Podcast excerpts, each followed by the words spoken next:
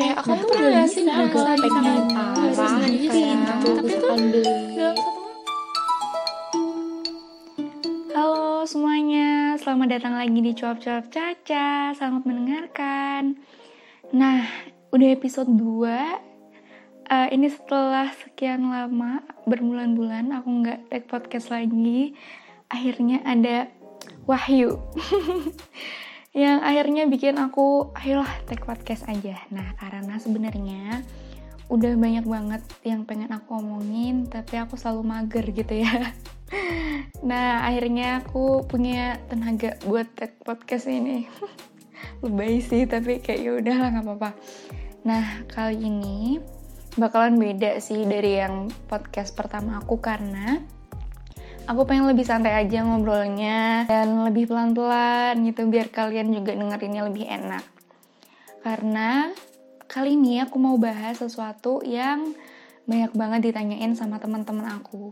Kayak misalkan entah dari question box, terus abis itu question box di Instagram, terus di DM, atau teman-teman yang secara langsung nanyain ke aku misalkan e, gimana sih caranya bikin foto yang bagus ini gini gini, gimana sih caranya edit foto bla.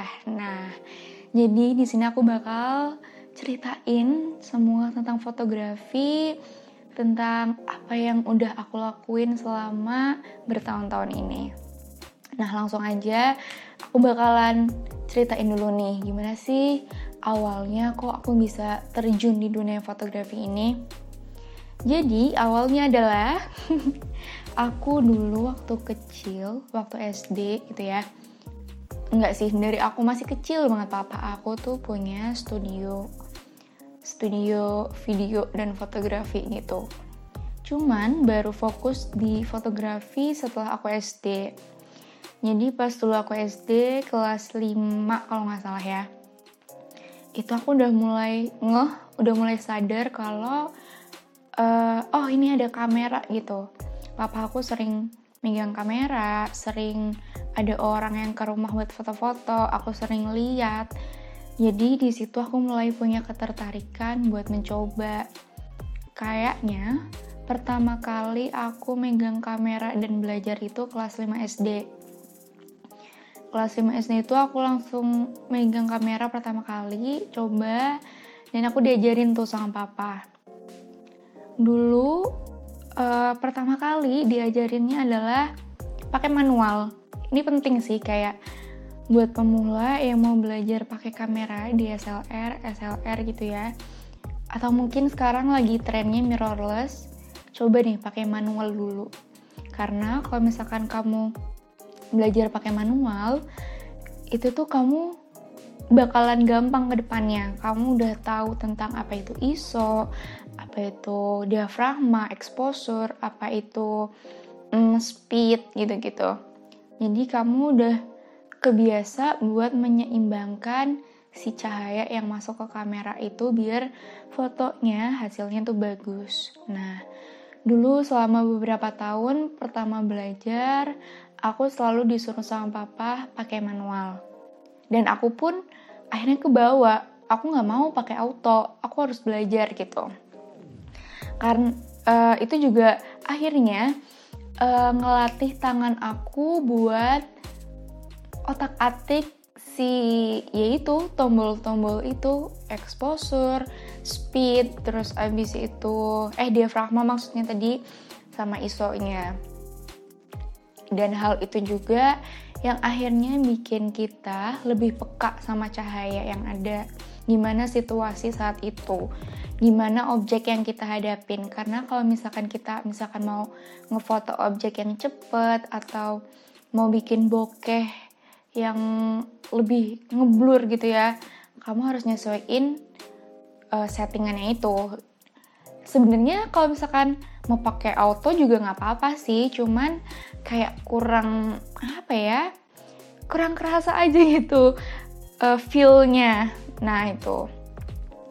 Nah terus abis itu setelah beberapa tahun pakai manual akhirnya aku mencoba pakai auto karena kondisi dan situasi yang memaksa aku bekerja lebih cepat. Karena kalau auto itu kan lebih cepat ya kerjanya. Nggak harus nyesuaiin dulu mencet ini itu dulu segala macam. Akhirnya aku mulai pakai auto dan keterusan sampai sekarang karena kerasa enaknya. Cuman karena udah kebiasa pakai manual udah tahu gimana cara ngaturnya walaupun aku nggak pro-pro banget ya di sini aku cuman kayak ngerti aja gitu lah pakai feeling. Aku jadi bisa lebih bisa menyesuaikan aja sih itu kelebihannya. Kalau misalkan kamu dari awal udah belajar pakai manual. Nah balik lagi ke awalnya. Jadi emang dari awal aku udah punya privilege gitu ya buat belajar dari kecil. Dan dulu tuh pas SD aku sering bawa-bawa kamera ke SD aku sering ngefoto-fotoin teman sering ngajarin teman ini tuh caranya kayak gini gini gini nah itu sih yang akhirnya bikin aku uh, banyak belajar dari situ. Udah setelah itu SMP, SMP ini lumayan aktif juga. Aku motret karena dulu pas SMP aku punya partner, ada temanku yang juga suka fotografi yang akhirnya kayak memotivasi aku gitu loh uh, buat sering motret, terus belajar bareng, kayak misalkan ada, eh ini ada foto jenis ini loh, ayo kita coba, atau ada, aduh apa sih namanya, hmm, model-model foto gitu loh, kayak misalkan levitasi, terus ada apa ya belajar low exposure gitu-gitu itu yang akhirnya bikin aku mengenal lebih banyak tentang fotografi Nah, jadi kalau misalkan dari kelas 5 sampai sekarang berarti udah berapa ya? Sekitar 8 tahunan gitulah ya. Nah, itu aku lumayan banyak sih belajarnya. Nah, gimana belajarnya? Yang pertama tadi, aku diajarin sama papa. Yang kedua adalah aku belajar sendiri. Belajar sendiri lewat Google. Karena dulu kan di YouTube belum terlalu banyak gitu ya konten creator yang bikinin konten-konten gitu aku bikin notes aku punya notes khusus waktu itu buat nyatetin segala hal tentang fotografi jadi aku baca-bacain di Google aku catet-catet kayak misalkan tentang angle tentang apa ya jenis-jenis fotografi uh, jenis-jenis lensa, pokoknya segala macam yang basic-basic tentang fotografi itu. Sampai dulu tuh aku hafal, kayak misalkan uh, tentang angle aku apal ada low angle, ada frog angle, ada angle, ada eagle angle gitu. Itu tuh dulu apal, malah sekarang aku lupa. Karena dulu aku serajin itu, seniat itu buat nyatet-nyatetin. Nah, yang ketiga adalah cari temen. Karena temen ini yang bakalan temen yang sefrekuensi yang bakalan apa ya dorong kamu buat terus belajar. Dan kamu juga belajarnya lebih fun karena ada teman buat sharing ada yang ngasih info-info gitu dan ya enak aja sih buat belajar bareng nah terus abis itu kamu juga bisa ikut workshop aku pernah ikut workshop tapi cuma sekali waktu itu karena aku kenal sama si empunya studio ini yang mengadakan workshop. Nah waktu itu aku jadi kayak apa ya ya semacam panitianya gitulah. Nah aku waktu itu pernah ikut sesekali, sekali itu. Atau mungkin kalau misalkan kamu punya budget lebih, kamu punya apa ya biaya khusus lah buat belajar ini buat hobi kamu ikut deh kelas-kelas fotografi. Banyak banget. Dan itu menurut aku bakalan hmm, ya bisa mendorong passion kamu gitulah nah kamu bisa ikutin itu semua. Setelah itu apa ya menurut aku cara belajar yang paling efektif adalah praktek karena ya coba-coba jam terbang itu bener-bener kayak yang mempengaruhi hasil foto kamu gitu loh Nah ini nih aku tuh suka bingung kalau misalkan ditanyain sama orang gimana caranya, kok bisa sampai kayak gitu? Ya ya coba-coba, ya belajar gitu loh. Karena kadang ada hasil foto yang aku tuh nggak sengaja nih aku ngejepret itu dan hasilnya ternyata bisa bagus. Ya itu kan karena coba-coba gitu kan. Nah itu sih. Kalau misalnya kamu udah coba-coba kamu lihat hasilnya kamu jadi ngerti oh ternyata caranya tuh gini. Gitu. Nah terus apalagi ya? Oh selain gimana cara ngefoto ada juga beberapa orang yang tanya gimana sih caranya ngedit yang bagus? Gimana sih caranya biar kamu punya ciri khas di foto kamu gitu kan? Cara ngedit sama aja sih. Balik lagi kayak yang tadi aku bilang coba-coba. Karena hmm, ngedit itu aplikasinya banyak softwarenya banyak. Dan kamu harus benar-benar beradaptasi sama apa yang kamu pakai. Kamu harus banyak explore sama aplikasi atau software yang kamu pakai.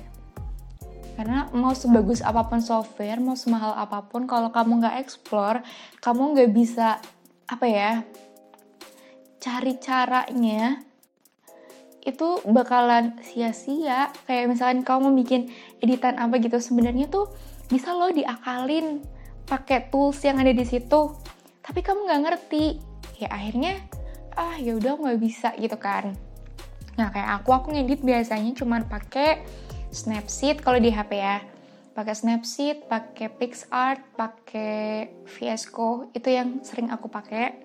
Dan aku bisa ngakalin dengan tools-tools yang ada. Gimana caranya biar fotonya miring-miring gimana caranya ngilangin benda-benda yang mengganggu di foto gitu. Terus gimana caranya bikin filter yang bagus aku cuman pakai tiga itu karena sebenarnya foto editor ya balik lagi intinya gimana kamu ngatur cahayanya, gimana ngatur warnanya gitu. Nah kalau misalkan yang lain-lain mau bikin kayak apa ya tambahan-tambahan art gitu, itu sih beda lagi sih. Nah selain itu yang lagi hits juga Lightroom ya buat bikin foto uh, filter foto. Dulu sih aku pernah nyoba buat di software uh, laptop gitu ya tapi aku nggak bisa. Nggak tahu kenapa aku kurang dapet feelnya aja sih. Nah selain itu kalau kalau mau ngedit-ngedit yang lebih apa ya ribet gitu misalkan ganti background atau mau ngilangin apa ya ngelain jerawat mungkin gitu kan bisa pakai Photoshop. Nah Photoshop ini aku juga belajar dari SD dari kelas 5 juga. Itu juga diajarin papa dan karena emang dulu aku sering ngeliatin papa ngedit jadi aku kebiasa dan diajarin sih. Kayak uh, udah ngapalin dari dulu shortcut shortcutnya. Jadi aku alhamdulillahnya lebih gampang buat uh, ngedit-ngedit pakai Photoshop gitu. Tapi kamu bisa belajar loh kayak lihat-lihat dari YouTube atau dari Google karena sampai saat ini pun kalau misalkan aku mau bikin sesuatu dan aku nggak tahu caranya ya balik lagi ke Google karena banyak banget dan kamu harus manfaatin itu menurut aku. Selain itu gimana caranya biar punya ciri khas, gimana caranya buat ngedit yang bagus menurut aku kamu harus banyak-banyakin referensi. Ini sih referensi itu penting banget harus banyak-banyak ngikutin orang, kayak lihat hasil jepretan orang. Ah, ini juga berlaku buat gimana caranya bikin foto yang bagus dan gimana e, bisa nemuin teknik-teknik baru. Itu menurut aku referensi dari orang-orang tuh penting banget. Karena kan suka mentok kan kalau misalkan uh, kita stuck di situ-situ aja, kita nggak nyoba cari referensi, Nah, kita ya tekniknya bakal di situ-situ aja, filternya bakal di situ-situ aja. Tapi kalau misalnya kita banyak cari referensi, kita akan tahu banyak hal, tahu oh ternyata tuh bisa ya bikin foto kayak gini. Oh, ternyata foto ini tuh misalkan foto street bisa dipakein filter kayak gini loh dan hasilnya bakalan colorful atau oh ini bakalan kesannya gloomy gitu-gitu itu sih. Nah terus abis itu kalau misalkan kamu udah sering lihat referensi kamu bakalan tahu oh aku sukanya tuh yang kayak gini. Akhirnya bakalan kebentuk apa yang kamu suka apa taste kamu di situ yang akhirnya membentuk jadi satu ciri khasnya kamu. Kayak misalkan aku sukanya yang uh, warm tone aku suka yang coklat coklat gitu itu akhirnya membentuk gitu karena aku udah banyak cari referensi, aku banyak coba-coba dan ternyata aku cocoknya di situ. Dan menurut aku nggak salah juga sih kalau misalkan buat gonta-ganti filter atau kamu punya taste yang beda-beda dalam jangka waktu tertentu itu nggak apa-apa banget malah bagus karena kamu akan uh, apa ya ya terus mengikuti zaman aja gitu apalagi sekarang sesuatu yang viral, sesuatu yang jadi tren itu cepet banget geraknya. Dan itu bagus, tapi kalau misalkan kamu sukanya di situ-situ aja, kamu punya ciri khas tertentu, nggak apa-apa banget dipertahanin. Uh, walaupun kamu mau ngikutin tren, kamu dengan ciri khas yang kamu punya itu, kamu bisa lebih improve gitu loh. Yang akhirnya mau gimana pun tren, kamu tetap jadi diri kamu sendiri. Itu sih menurut aku. Nah, setelah itu kalau misalnya kamu udah coba-coba udah cari referensi nah balik lagi akhirnya adalah kamu harus konsisten karena aku untuk sampai di titik sekarang yang walaupun gak jago-jago banget ini tapi ya bertahun-tahun ini lumayan sih kayak akhirnya buat aku bikin aku berprogres gitu. Karena aku konsisten aku jadi makin tahu kayak hmm, ya makin tahu banyak hal aja tentang fotografi ini. Dan misalkan kamu konsisten kamu bakalan dipercaya sama banyak orang kamu mungkin yang dari hobi bisa jadi kerjaan. Karena sesekali aku dipercaya buat ngefotoin event terus abis itu uh, ngefotoin oh aku pernah ngefotoin wedding. Iya aku pernah ngefotoin sekali tuh wedding walaupun dibayarnya murah tapi itu benar-benar pengalaman yang kayak wah gila sih lumayan banget gitu. Kalau misalnya nambah portfolio buat nanti misalkan kamu emang mau kerja di bidang itu. Kamu juga ya itu balik lagi sih dipercaya sama orang dan kamu bisa bikin itu jadi cuan. Jadi nggak cuma hobi doang tapi bisa menghasilkan juga. Nah buat kamu yang masih takut coba-coba aja deh sekarang mah. Itu ya kamera HP juga udah bagus. Nggak perlu kamu susah-susah nabung banyak-banyak buat beli kamera yang bagus dengan sesuatu yang kamu punya sekarang bisa dimanfaatin sih mungkin nanti aku bakalan itu kali ya bahas tentang ngefoto pakai HP atau gimana caranya dengan simple bisa dapetin foto yang bagus. Mungkin next time aku bakalan bahas itu, tapi sekarang aku udahin dulu pembahasan ini. Intinya adalah coba-coba selalu belajar, pengen tahu lebih, eksisten. Nah, udah situ aja. Makasih udah dengerin cuap-cuap Caca episode 2 ini. Doain semoga bakalan ada lagi episode-episode selanjutnya dan kamu boleh banget uh, kasih saran, kritik dan mungkin kalau mau request boleh langsung DM aja di Instagram aku @anini_anastasia, A-nya dua di belakang. Yeay, thank you semua. Bye bye.